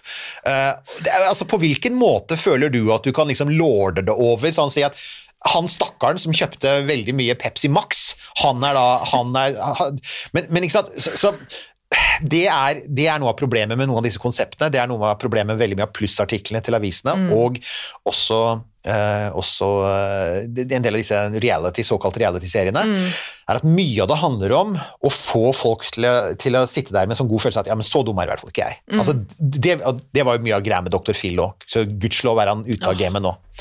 That Dog Won't Hunt er en annen som jeg liker å bruke av og til. oh, fy fader, altså. Ja, men det Men det er helt sant. Men han, altså, den der typen, for det var jo, altså, det var jo ikke poppsykologi, men det var bare freakshow. Det handlet veldig mye om freakshow. Og, og, og men, du, Han har jo mistet lisensen sin. Han er jo ikke Nei, nei, nei, men altså, han, de, han driter jo i det, ikke sant? Ja, men det er jo, det er jo så Ja. skummelt, for han sitter jo og gir, og gir råd og Ja. snakker som om han er ekte psykolog, når han ikke Ja, på en måte er det lenger. Og, det er jo veldig helt- mye av det er sånn der common sense, det er jo bare å ta seg sammen. Det er bare å bruke god gammeldags moral, så, så kommer du deg gjennom dette, ikke sant? Det er sånn, altså, nei, ja. Så eh, en dust. jeg, jeg synes jo en av de, noe av det jeg da har blitt mer opptatt av etter hvert, er jo akkurat dette med ok, Gitt at vi har et helsevesen som ikke for det første lenge ikke var interessert, nå begynner det nok å bli interessert, men det har ikke kapasitet. Nei, ikke Eh, sant. Det, det, det, det må vi bare være ærlige på. Eh, Vi har nettopp hørt om den store krisa i, eldreomsorgen. Mm. Vi har en krise i fødselsomsorgen. Vi har en kjempekrise med psykisk helse. Det er Ja. altfor lite folk, for lite tilbud. Ja. Altfor Alt for lite sengeplasser. Alt for lite sengeplasser. ja. Korona avslørte hvor farlig få plasser det var for ungdom, f.eks. eller spiseforstyrrelser. Ja. Altså jeg jobber jo en del av jobben med Det jeg vanligvis gjør på dagtid, det er jeg jobber som fremtidsforsker, fremtidstenker. Mm, ja. Så en av de tingene jeg ser på, er jo annet på statistikker som viser hvordan ting vil utvikle seg i Norge framover. Jeg kan si at dette blir ikke bedre. Det blir faktisk Nei. det blir større belastninger på helsevesenet og færre folk til å gjøre jobben. Eldrebølgen kommer, og det det betyr er at Derfor så jeg sier at jeg innser jo at vi kommer aldri dit i Norge at det å anerkjenne at overspisingslidelse er et problem, betyr og, er en, og faktisk er en de facto lidelse, kommer aldri til å bety at de som trenger, alle som trenger behandling, kommer til å få det. Det tror jeg vi bare får erkjenne. Det kommer ikke til å skje. Det er altfor mange andre som kommer til å gå foran oss i køen av ulike grunner. Ja. Um, det jeg ønsker det, så Min ambisjon er ikke egentlig det. det mitt, mitt mål er ikke det. Altså Jeg vil jo at de som er akutt syke, helt klart må ha et tilbud der og da. Uh, og ikke minst unge som er akutt syke, for de er så utrolig sårbare. Og Samtidig så erkjenner jeg at altså, hvite menn over 50 har en del andre mekanismer rundt seg som gjør at de stort sett kan klare seg noe bedre. Men livene våre kunne bli utrolig mye bedre om det var nummer én anerkjent, nummer to åpnet rundt det, nummer tre at det finnes tilgjengelig informasjon om hva det er, og hvordan du selvdiagnostiserer deg, for i stor grad så er det det du kommer til å måtte gjøre. Og uh, nummer fire, eller punkt D for virkelig å gjøre dette her klart, det er uh, hva kan du gjøre? Ikke sant? Ja. Hva kan du gjøre? Fordi at tross alt igjen, dette er ikke altså, Du skal ikke selvbehandle anoreksi, men mildere grad av overspisingslidelse går det faktisk an å gjøre noe med. Hva kan man gjøre, Erik? Ja, det er altså Har du noen, har du noen Ja, men nå kan Jo, du jo, komme men med altså, noen jo, tips, da. ja, ja, har, du, har, du, har du noen ting som har hjulpet deg? Er Ja, det, ja, det har jeg. Altså, jeg har det jo, jeg, det, det er kanskje litt viktig å si. Eh, Jeg er veldig frustrert på systemet, men jeg har det jo bedre med overspisingslidelsen min nå enn jeg har hatt det noen gang. Det har jeg jo. Så bra. Det er veldig bra for Altså, å høre. altså, her er en viktig ting. For det første, det aller første man anerkjenner, eh, er å gjøre noe med overspisingslidelsen sin. eh, Overspisingslidelsen sin er ikke det samme som å gå ned i vekt. Dette har jeg måttet belære fagfolk om òg, for de tror at vektreduksjon og behandling for overspisingslidelse er det samme. å si. nei, det er det ikke. Ja. Det finnes en veldig klar prosess her. Først må du se på triggeren, som er eh, emosjonell, altså følelser, eksempel. Mm. For eksempel. Det er følelser, det er følelser, og det er eh, vanskelig. Og vi har, vi har ødelagte hjerner, vi overspisere. Så Vi har alle ødelagte hjerner. Ja, vi er alle fucka. Alle. Vi Alle er vi fucka. We're all fucked. Men ok, Bare så du vi- det, du er ikke bare den eneste som Nei, er Nei, vi er noen av de altså. sjukeste folka du ser på YouTube, og det sier ikke lite. Men Så, så det første er jo det, eh, og det er jo å anerkjenne det. At man, Ja. eh, at man faktisk Absolutt. Så, jeg, så, så for meg så var det første viktige steget var å anerkjenne at det faktisk var det det var, for da kan du få et slags forhold til det. Ja. Og si ok, vent nå litt, uh, det er ikke bare kaos lenger. Det, det finnes, og, og da blir du også klar over triggere. Mm. Ja. Så jeg veit jo når jeg er sårbar, for eksempel, ikke sant? Ikke og det sant? er veldig Ja. nyttig. Um, så, så det første trinnet er å anerkjenne at man faktisk har en, en, en, en spissforstyrrelse. Det andre trinnet er å, å på en måte gjenkjenne triggerne og se når man kan gjøre noe med dem. Og her kommer et moment det ble sagt nylig som jeg syns er så innmari bra. Det var en, igjen en artikkel bak en betalingsmur, men tit- tittelen var så god at jeg siterer den. Du kan ikke gjøre mer enn det du har kapasitet til. Men det er helt riktig. Det er innmari godt sagt. Ja, det er og, det er, og det er det andre at du må anerkjenne dine egne begrensninger, din egen Yes. kapasitetsgrense, og si at ok, du kan, du kan faktisk gjøre altså du kan gjøre noe med Du kan eh, håndtere denne spiseforstyrrelsen, men du vil ikke alltid vinne. Du vil ofte tape, fordi at du har rett og slett ikke kapasitet. Det er en grunn til at du er der du er. Noen har en omsorgssituasjon, noen har gamle traumer, noen har blitt utsatt for forferdelige ting, noen har en ekstremt slitsom jobb, igjen omsorgssektoren. Der er- kan være grunn god nok, ikke sant? Og da, da, da, når du da ikke har kapasitet, så aksepter det. Ikke, ikke døm deg selv for hardt, ikke sant? Der, jeg tok jo et kurs i mindful eating for en del år siden, som var eh, for så vidt var ganske, eh, ganske nyttig. Um, ikke fordi at, altså Jeg begynte med meditasjon en periode etter det. Jeg klarte ikke å fortsette med det, blant annet fordi at for å kunne være mindful og meditere, så må du ha litt du må, du må ha en forutsigbar og ikke urolig hverdag. Uh, og Hvis du har en hverdag med sånn, mye uro og uforutsigbarhet, så kan jeg si at da får du det ikke til. Det bare går ikke. Så, det, så det, det, er en, altså, det er en grunn til at mindfulness er noe av det som er minst hjelpsomt. Det hjelper for noen. Men det hjelper for noen. Ja, og så er det, det kan være verdt å prøve. Og hvis, Ja du, hvis, du, hvis, du, har, hvis du har liksom sånn eh, hjernen til det omgivelsen til det, så, så kan det være verdt å prøve. Men du kan også hente noe lærdom ut av det. Og det er akkurat dette her med å kjenne på sine egne følelser og si at ok, nå, nå, merker jeg at noe er i ferd med å skje i kroppen min, nå merker jeg at noe er i ferd med å skje i hodet mitt, og, og, og, og hva kan jeg gjøre for um, å Altså, noen ganger så må du akseptere, altså ganger så må du bare akseptere, og, det, det, det, er dette her med å, uh, å på en måte akseptere sin egen, akseptere sin egen sykdom, mm. og, og, og, være, og, fortsette å være glad i seg selv, selv om man har gjort noe som man vet kanskje ikke er så veldig lurt. Mm. Men andre ganger så, så, kan du faktisk, når du ser det skje, så kan du si men er dette nå, det jeg opplever nå, er det en så traumatiserende, er det en så slitsom følelse at det faktisk fordrer at jeg tar den der medisinen, eller kan mm. jeg klare meg uten? For det, det kan være. Mm. Å bli klar over det kan være så, så Der er jeg ganske ofte. At ja. jeg sier vent nå litt, jeg tror ikke egentlig dette er ille nok til at jeg trenger noe for, altså, for Som du vet, vi veganere er Altså, ja da, altså, det stemmer. Vi kan ikke spise Smash, men Oreos er veganske. er. Oreos er veganske, og det er ganske mye potetgull som er vegansk, oh. og peanøtter mm. og cashewnøtter. Oh. Need I go on? Jeg skal ikke fortsette. Men eh, nei, ikke sant, så, så det er, og, og det er sånn å, å, å, å, si det til seg selv, da. Å sette, sette noe sånne Og si ok, nå, og, og, faktisk lære å distrahere seg selv. Det er også mm. en sånn ting som jeg syns er også en ganske sånn nyttig eh, å faktisk bruke sin egen hjerne til å si kan jeg gjøre noe nå, kan jeg sette i gang en mm. aktivitet, ja. kan, jeg, ta, kan, jeg, liksom vaske gulvet, eller ja, kan jeg ta kan jeg, Det er sånne ting som jeg også bruker. Snakke med noen. Kan jeg, har jeg en iPad nå som jeg har et, et spill eller et tegneprogram på, som, gjør, som gjør, meg rolig, som jeg kan sitte og holde på med, du, som jeg liker å drive med? Ikke sant, og du har vel uh, kjæledyr, har du ikke det? Jo, jeg har en hund. Nemlig, jeg har en katt. Og jeg kan si at kjæledyr kan også være bra. Kjæledyr kan være fint. Absolutt. Du kan gå en tur med hunden, du kan leke litt med katten, eller ja. bli avvist av katten, som jeg er i mitt tilfelle. Men uansett, eh, du kan det. Eh, ja. Og, og, en eller annen hobby, et eller annet. Ja. Og, det, er, sånn, og det, det, er veldig viktig. Jeg tror det stemmer så godt, det du sier. Og det å, det å på en måte prøve å lære seg sine egne triggermønstre. Og det kan være så mangt. For, mm. det, altså, noen, for noen kan det være uh, at man får en telefonsamtale fra et familiemedlem som man har litt vanskelig med. Det er så, veldig vanlig. Fryktelig viktig. Og så ja. vet du at oi, shit, eh, nå ringte eh, faren min eller broren min et eller annet, eh, og du snakker med og så vet du oi, shit, å, men når jeg blir så Alltid når jeg snakker med de, så blir det sånn, mm. og så blir du litt urolig etterpå, og så vet du ok, det kan være en trigger. Kanskje det er en, en eller annen spesifikk sosial situasjon, kanskje det er en lønning, kanskje lønningspilsen på jobben, at du merker at alltid når jeg har liksom den der mm. sosiale greia på mm. jobben, så blir jeg alltid Så begynner jeg etterpå å spise veldig, jeg begynner å få lyst til å ikke sant? Ja. Annet, altså det kan være ja. hva som helst, men og det å på en måte da kunne på et eller annet vis uh, lære seg det og, og, på en måte forutsi litt dine ja, egne reaksjoner. Ja, ta sånn, sånn, litt, sånn, litt, nesten litt sånn steg ut av seg selv og ja. si Og, og det, det, var faktisk det nyttigste jeg fikk ut av meditasjon. Det var det. Selv om jeg ikke klarer å meditere fordi at jeg er for urolig i hodet, så, så, var det den tingen som jeg av og til får til, er å ta det steget tilbake og se på seg selv utenfra og si vent nå litt. Um, hva er det som skjer? Hva er det som skjer? Og den, det veldig viktige budskapet, som ofte er veldig sånn omstridt, men jeg syns det har noe for seg og det er at Veldig ofte så er du i situasjoner du ikke kan forandre. Mm. Det eneste du kan forandre, er din egen emosjonelle respons. Ja. Det eneste du kan påvirke, er måten du reagerer det på, fordi at du er, du er, fanget i en situasjon. Du kan ha en familiesituasjon, en livssituasjon, økonomiske problemer, et eller annet som gjør at dette kommer du ikke ut av der og da. Så mm. det eneste du kan håndtere, er din egen emosjonelle respons på det. Og det, mm. det er igjen Altså, det høres ut som lite, det er egentlig ganske mye. Det er, ganske, det er en ganske svær ting egentlig å ta det steget der.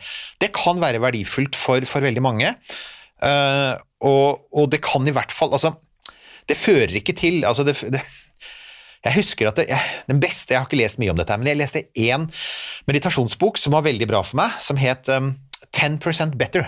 Mm. Og det er skrevet av en som heter hva er det? Dan Harris, heter han, en amerikansk TV-personlighet som begynte Ikke å meditere. Sam Harris, også. Nemlig! Og det var veldig forvirrende. Sam Harris, jeg har, jeg har jo hans, uh, appen hans, Waking yes, Up, som har mye gode ting. Den hører jeg av og til på. Jeg har anbefalt den, ja, fordi den er verdt å prøve. Det er verdt å prøve. Sam eh, Harris, mm. ikke minst for at han har et vitenskapelig, han er nevrolog, han yes. har et vitenskapelig forhold til det, og han snakker om veldig mange sånn her, Det er ikke sånn spiritualistisk, sånn, eh, og det, det, var derfor jeg likte den også, for at han tar et veldig jordnært utgangspunkt. Ja. At det handler om hjernen, det handler om tankene dine, greiene, Ja. og så er du, du Og det, det er sånn Yes, jeg, jeg likte det. Ikke sant?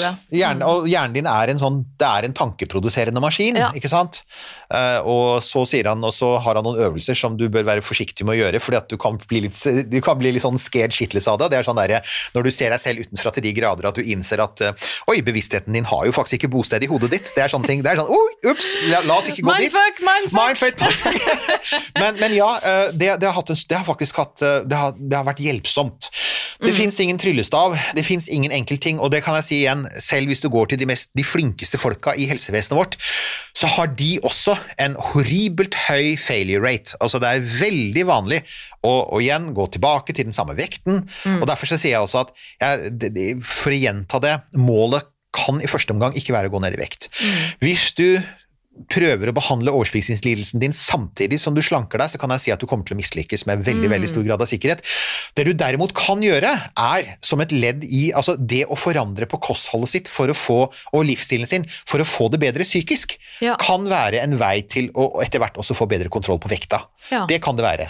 Og, og, og det betyr ikke nødvendigvis at du, går, så mye mer, går så mye ned, men du kan få et mer balansert forhold til din egen kropp Ja. og din egen vekt uh, via, via at du faktisk får bedre oversikt over hvordan du har det, altså bedre innsikt i hvordan du har det psykisk. Mm.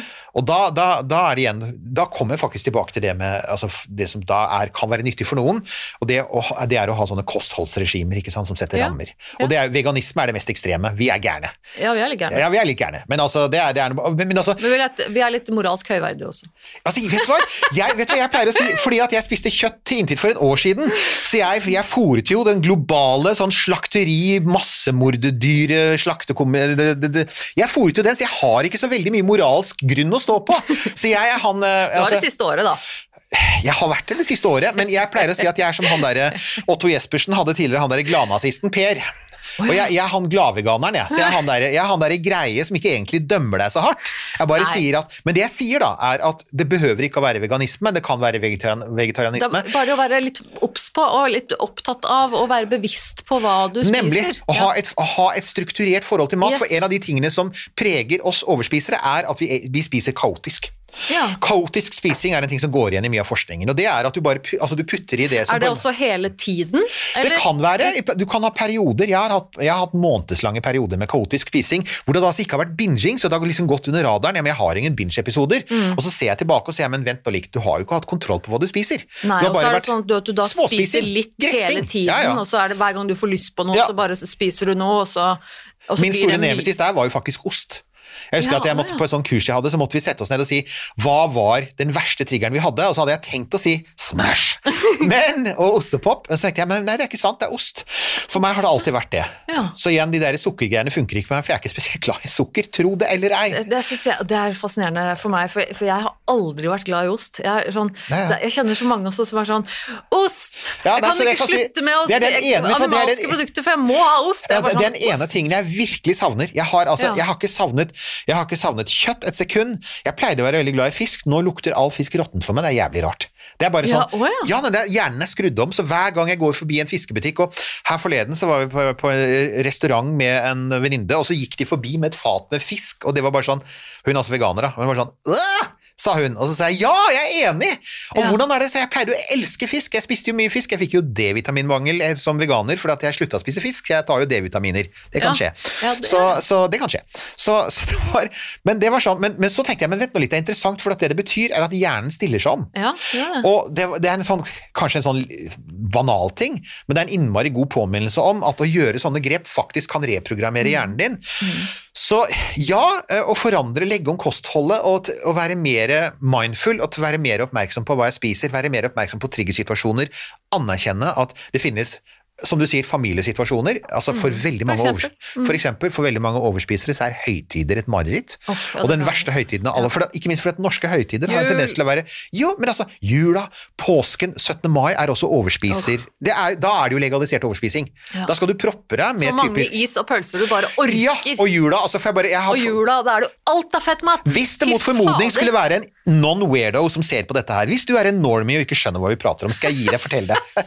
For jeg, jeg ser på denne nemlig, og jeg er weirdo, så jeg, jeg, er jeg tror jeg er ganske representativ. Men hvis det skulle være en normie, skal jeg forsøke å forklare det for deg. Ja. Eh, Den følelsen du får når du har spist ribbe på julaften, Mm. den følelsen av sånn derre sånn, Kroppen din fyller seg av sånn velvære, ikke sant? Sånn, ja, Mm. men, altså, det siger inn før du må ut og ta Samarin for å burke opp all fettgreiene. Ja, ja, jeg, altså, jeg har aldri likt ribbe. Men, men uansett, den følelsen du får av maten du spiser da, Ja. det, er et, lit- det er en liten indikasjon på hvordan vi overspisere bruker mat til å håndtere vanskelige følelser. Altså, Det er litt den vi er på jakt etter. Det er den der roen, freden og en sånn der velvære i kroppen. ikke sant? Og, og, og for noen så er det faktisk også følelsen av å ha en full mage. Ja. Det glemte jeg å si, men det kan for noen. Det er det ikke for meg. Jeg syns det er ubehagelig, så derfor stopper Ja. jeg alltid før det. Så jeg, jeg har som regel, jeg er mer, jeg er mer en sånn gressende overspiser. Jeg er mer sånn småspiser enn jeg er, en, er en, egentlig en binger, for at jeg syns følelsen av å være overmett Ja. er ubehagelig. Men det er faktisk mange som liker den. Men, men Ja. igjen, det er den følelsen der vi overspisere bruker til å håndtere uh, vonde og vanskelige følelser på. Mm.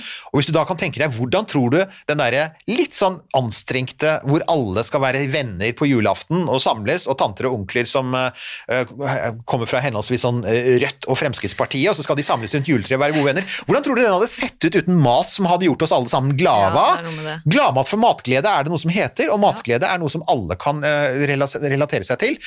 Det er bare at for de aller fleste så er matgleden har en mye mindre funksjon i livet, og, den, og de kan begrense den. Du kan si jo, jo, det er godt med mat, og jeg føler meg glad av mat, men jeg trenger det ikke stadig.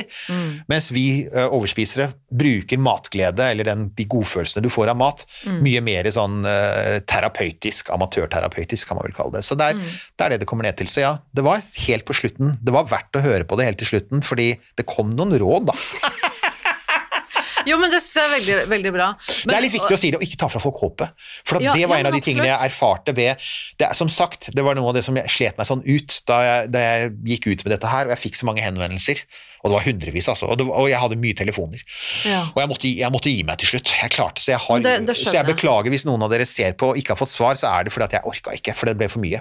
Ja, men det Eh, blir det jo. Og, og det er det der, sånn, denne havet av fortvilelse, alle menneskene som ikke får hjelp de trenger, og alle menneskene som føler at, at altså, de blir alltid sett på som dumme og late når de virkelige, i, i virkeligheten faktisk har funnet en måte å altså, For en del overlevelsesmekanisme. Mm. Altså overspising, det kan jeg si, overspising er også en viktig det er også faktisk en viktig drivmekanisme bak mye av det frivillige arbeidet som gjøres i Norge, bak mye av omsorgsarbeidet som gjøres i Norge. Det, mye av det er jo direkte er, det er, Mye av det er, Overspising er jo drivstoffet for mange. Det er jo, altså, de holder seg gående ved å Men, men, det, men, det, er, men det, er, det er så sant. Det høres jo veldig Og det er jo kontraintuitivt, og det høres veldig rart ut for folk som ikke på en måte har opplevd det, men overspising eller sulting, underspising, eh, Ja. selvskading, det er overlevelsesmekanisme. Det er akkurat det, ikke sant? Det er akkurat det. Det er en måte Ja. å overleve, rett Det er det, og det er derfor du vil se eksempel i samtalegrupper som jeg har, jeg har stort sett gått i alle sammen. Uh, samtalegrupper er, eh, jeg gjør ikke det lenger, altså jeg ble sliten av det, for det er så mye vonde historier, så jeg, det, ble, jeg, det, det kom et punkt hvor det ikke lenger var hjelpsomt, og jeg bare ble trigget av det. Ja. Men Ja, en det- ting som jeg går igjen er at du vet du har kommet i en samtalegruppe når det står en boks med Kleenex og en, en stor skål med kjeks og sjokolade Åh, på bordet. Gud. Jeg skjønner. Ja, du, ja, men det er virkelig. Det er sånn Yes, du gråter litt, og så spiser Og så du litt. spiser litt. Ja, ja, ja. Det er, eh, Herlighet. vi er helt åpne på det. Vi både gråter og spiser her. Ja, men det gjør vi alle. Det gjør vi alle. Det. Det er Håper. Forskjellen er at de fleste innrømmer, innrømmer ikke at de gjør det. Så. Men har du Du har ikke gått i noe behandling altså for Jeg, har prøvd, jeg har prøvd å finne hjelp for det, men jeg har aldri funnet en behandler. Og jeg har jo vært i mye kontakt med fagmiljøer, Ja. men det er jo aldri noen som har sagt 'Eirik, er du interessert i å ikke sant? Altså, det, det skjer jo. litt rart, for jeg, ehm, jeg fikk jo tilbud om, om, om, eh, om behandling på Gaustad spisepro- spiseforstyrrelsespoliklinikk, Ja. og jeg tenker jo da at eh, hadde ikke det vært et godt sted å ha å kunne behandle folk med overspisingslidelse? Jo, det tror jeg helt klart det ville vært. Men, altså, Men jeg det- vet ikke om de ikke gjør det, da. For, for Nei, altså jeg må men, si eh, at det som sagt, jeg, jeg, var jo aktiv i frivilligheten en periode, og da snakket vi mye om det hvor det fantes behandlingstilbud for akkurat det. da. Ja. For igjen, det finnes jo, som du sier, for anoreksi og bulimi, Ja. eh, og, og, og, og det finnes også behandling for fedme, men det er altså den derre eh, det er den derre sånn siste lille biten som ikke faller på plass for Ja. veldig, veldig mange steder. Det kan hende det finnes et tilbud nå, eh, og i så fall, hvis det er noe fagpersonell som ser på, så absolutt, ta gjerne, ta, ta gjerne Tips, kontakt ja. tips til det, og, og, men, men vær så snill, ikke, ikke ta kontakt og be meg om å gjøre leksene deres, som av og til skjer, men det er liksom sånn Oi, det er virkelig en person som ikke har lest så veldig mye på Men det er jo igjen min erfaring. Det bekrefter jo min fordom om at dessverre så er helsevesenet mye der. At Mm. ikke er det bare mangel på folk som har lest seg opp på ting, men det er jo manglende nysgjerrighet på å lese seg opp på ting, som er alltid Altså, det er kanskje fordi jeg er en nysgjerrig person av natur. Det har vært Hele karrieren min har jo handlet om å lese meg opp på ting. Eh, og, ikke sant? og jeg liker å gjøre research, og jeg liker å lese bøker og følge med på ting. Igjen, Roxanne Gay Hunger, bare sier det. Uh, og ja, og, og, det, og da, da tenker jeg sånn og så skjønner jeg plutselig at jeg har å gjøre med et menneske som ok, kanskje har mye å gjøre, det er ikke det, men som ikke viser Det er ikke, det er, ikke en sånn glimt av interesse engang. Du ser personen i øynene og så tenker du, her var det ingenting. Det er bare, det er ikke engang sånn Oi, dette har jeg ikke hørt om før. Kan du bare bruke to minutter av tiden din på å si hva dette er for noe? Jeg har jo også eh, vært borti det vært mange borti det. ganger. Ja. Og, og det er også Jeg syns det er jeg syns, jeg, jeg syns jo det er veldig skummelt, og i hvert fall Ja. på en måte i min situasjon ofte, hvor jeg har sittet da eksempel eh, og vært på et akuttmottak på et sykehus, vært, Mm. eller vært innlagt, og, og det er sånn åpenbar situasjon for meg Ja. hvor jeg er veldig sårbar og trenger hjelp. Og så sitter jeg og snakker med et vedkommende som tydeligvis ikke har noe peiling på hva jeg snakker om, ja. hvorfor jeg gjør det jeg gjør, og, og, og da blir jeg sånn du skal hjelpe meg. Du Mm. er, helse, du er lege, du er, le, du er psykiater, du er, du er, sy- du er helsearbeider som skal hjelpe meg i min veldig desperate situasjon. Og så sitter du bare der og sier 'kan du ikke bare tenke litt positivt'? Ja, ja, ja. ja. Er, Eller, det, ja, er eller, eller som, døm, som, Ja. som bare har lest overskriften i hva personlighetsforstyrrelse er, og så sier ja ja, men du er vel her fordi du er ute etter oppmerksomhet. ja. Eh, Den er veldig vanlig. Det er Og selv, sånn- selvskadere får vel ofte den, har jeg skjønt. ja, og det er bare sånn, men, men og det, er- sånn, Når du allerede sitter der uten ja. håp, hvordan i all verden skal du få ha et håp om å, å få hjelp når de som skal hjelpe deg, sitter og tenker sånn? Ja. Så det er um, Og derfor så handler dette om mye mer enn penger. Hvis, vi skal, ja. altså hvis noen av dere så nå at jeg så litt på klokka, så er det fordi at jeg skal nå straks løpe av gårde til å lage en podkast til. Ja, vi må det. Vi må Dessverre, for nå var vi jo så godt Ja. i gang. Men, Se eh, Se på tida. Ja, ja, ja, så det var ikke meningen å være uhøflig her, men, Nei, eh, men eh, det er, er nå hva det er. Men, jeg er bare glad for at jeg fikk den tiden her. Som, ja, men takk det samme. Dette her var veldig, var veldig bra. Uh, og, og det, altså, det hvis det, Jeg vet ikke hvordan du stiller deg til det, men hvis det skulle være noen oppfølgespørsmål eller noe sånt nå, så jeg kommer gjerne igjen, for dette her syns jeg er Hvor, altså, hvor kan folk finne deg? Vil du plugge deg selv litt her nå? ja, nei, altså Jeg har jo da podkasten Romkapsel, og så har jeg jo et nettsted, og der kan man man finne litt mer om meg. Og jeg, jeg har skrevet faktisk en del om, om overspising i bloggen min, men det er, Ja. det er, det er, det er en to-tre år siden jeg skrev om det. Men alt jeg skrev der, er jo ting jeg står for fremdeles. Ja. Um, så, så Bloggen heter Ja, den, den ligger på news.net newth.net slash Eirik. Uh, Så det er uh, etternavnet mitt, punktum nett, skråstrek fornavnet mitt. Kult. Uh, og så ja, det er uh, men sånn generelt kan jeg si, hvis det er noen som lurer på mediehenvendelser, så vil jeg si uh, nei, antagelig ikke. Fordi, nei, for det blir det, for det, det har jeg ikke så veldig lyst til å gjøre lenger. Nei. Og det er uh, Det er fair enough. Ja, Det er- det- det ditt valg. Ja, jeg syns det er en grei ting. Ja. Men eh, du er på Instagram, eh, Facebook og er Facebook og eller? Instagram, og jeg pleide å være på Twitter før han gærningen Ja, det var eh, det. var jeg, Så snart han skulle Jeg skjønte at den For øvrig, apropos psykisk helse. Det er jo, det er jo psykisk uhelse i full blomst. Ja, men det er det jo. Det er jo altså, en ting er at han er en drittsekk, men, men han er jo ikke frisk. Nei, han- og jeg har fulgt han i flere år nå. Han er en av de som ble mye dårligere under covid, faktisk. Det var veldig tydelig. Ja, Jeg- jeg- det har jeg ja, ja. faktisk eh, skjønt. Ja, jeg har fulgt han i mange år pga. romfarten, for det er jo det, det han har vært en nyttig kilde til romfartsinfo. Åpenbart. Eh, Astrofysiker. Ja. ja, ikke sant? Så, så jeg fulgte Musk sin konto i årevis, og han var ganske lenge så var han sånn relativt rasjonell, av og til et rasshøl, men, men stort sett ganske ikke mer rasshøl enn typiske nerder kan være. Ikke sant? Nå har det jo klikka. Liksom våren 2020, så bare ser jeg at han begynner å tilte. Jeg bare ser at det begynner å bli mer Og er mer konspiranoia og oh. verre og verre og verre. Og jeg liksom bare tenker uff, dette kan jeg håper, at, jeg håper at det er noen rundt han og som tar tak i han, og der har vi et veldig godt eksempel på akkurat det motsatte. Og det er hvor Altså at du kan være verdens rikeste mann, Mm. og likevel ikke ha folk rundt deg som er i stand til å hjelpe deg. Kanskje fordi du er verdens rikeste mann, Mm. eller fordi at selv ekstrem velstand, selv i ekstrem velstand så kan det være altså en enorm fattigdom på omsorg. Mm. Du, kan ha, du kan ha omsorgssvikt på de rareste steder. Mm. Jeg har nettopp, fem minutter før jeg kom i studio her, så fullførte jeg Prince Harrys bok Spare. Mm. eh, som faktisk er veldig bra, for det- den handler om akkurat det samme. Den handler om Nettopp, ja. massiv omsorgssvikt i Ja. Omgitt av enorm velstand. Mm. The Crown, serien The Crown, som mange har sett, uh, har, tar nok feil i en del historiske detaljer, men hovedbudskapet som er at dette er en familie med all velstand i verden og så å si ingen omsorg for hverandre, det, det er riktig. Det er det han bekrefter. Og jeg syns det er så interessant, for det det bare forteller meg, er at Igjen, det handler ikke om penger bare. Altså Ja da, det handler selvfølgelig om når du skal gjøre noe i det offentlige helsevesenet, så må du ha midler, men det handler ikke bare om penger. Det handler faktisk om at du har folk som er villige til å se et annet menneske og si å ja, du, du, ser ut som du gjør, ja, men da må du være lat, og mm. du, du, er jo lat og stygg og feit og dum. ikke sant? Istedenfor at du har et menneske som sier oi, liksom, er det, er det en Åssen har du det? Er det, er det hvordan, går hvordan, går det egentlig? Altså, det ser det som, nemlig har du det greit. Det ser ut som du kanskje ikke har det så bra. ikke sant? Og, og bare altså, den, den, enkle omsorgen der. Mm. Så, så, ser du altså faktisk at noen av verdens rikeste og mektigste, me, me, mektigste mennesker opplever det samme. Og så tenker du ja, men det er jo interessant, da, for det er del, er, dette er litt sånn den menneskelige tilstand. Det handler ikke Det er ikke bare spørsmål om øh, økonomisk fattigdom. Det er ofte det, men det er ikke bare det. Mm. Det er et mer sånn generelt øh, vi klarer ikke å se hverandre nok. Det tror jeg er et helt riktig og veldig viktig poeng, og vi kan jo gjerne avslutte med det. At jeg vi kan skal, ikke det.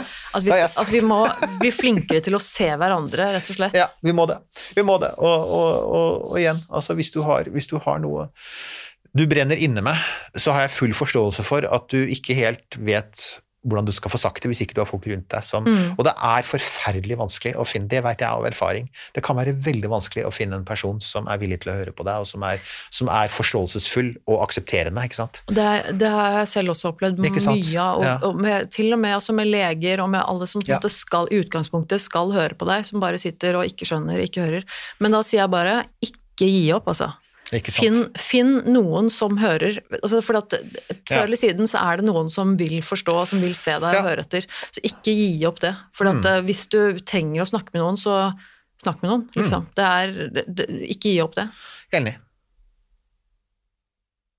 Der måtte Eirik eh, løpe videre, og igjen så må vi bare si tusen, tusen takk til Eirik eh, for fantastisk samtale. Det er jo altså så herlig å høre på Eirik. Han har så mye kunnskap, og han er så flink til å prate. Han er så engasjerende. Eh, så igjen, eh, bare ja, tusen hjertelig takk, Eirik. Eh, jeg skal også runde av. Jeg har en liten hund som venter på meg hjemme.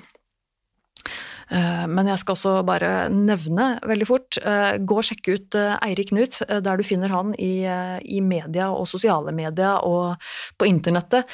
Um, og så uh, kan du følge meg uh, i uh, ja, diverse sosiale medier. Enten så finner du meg ved å søke på navnet mitt, Tone Sabro, eller så finner du Nerve med Tone, både på Instagram og på Facebook. Um, og vil du sende meg en mail med noen tilbakemeldinger eller lignende, så kan du sende det til Tone Nei, Nerve. nerve med Tone at gmail.com. Rett og slett. Nerve med Tone at gmail.com. Eh, der tar jeg imot eh, eh, alt mulig fra dere der ute, og jeg setter stor pris på det. Uh, igjen, uh, jeg må bare si takk til alle som har sett på YouTube, eller som hører på dette i podkast. Uh, vil du fortsette å kanskje sjekke ut dette her på YouTube, så gå inn på YouTube og søk på Nerve med Tone, så finner du YouTube-kanalen vår og alle podkastene. Ikke alle, men ganske mange av de. I hvert fall fremover. ja, men jeg tror det, det får holde. Nå har, jeg, nå har jeg også pratet nok for i dag, rett og slett. Men takk. Vi høres igjen veldig snart.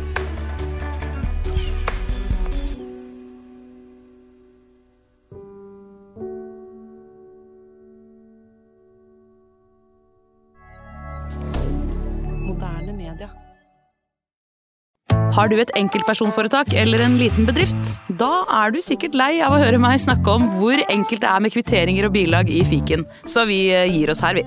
Fordi vi liker enkelt. Fiken superenkelt regnskap.